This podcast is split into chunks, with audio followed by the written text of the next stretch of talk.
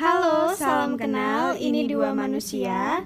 By the way, kenapa sih kita ngambil nama dua manusia?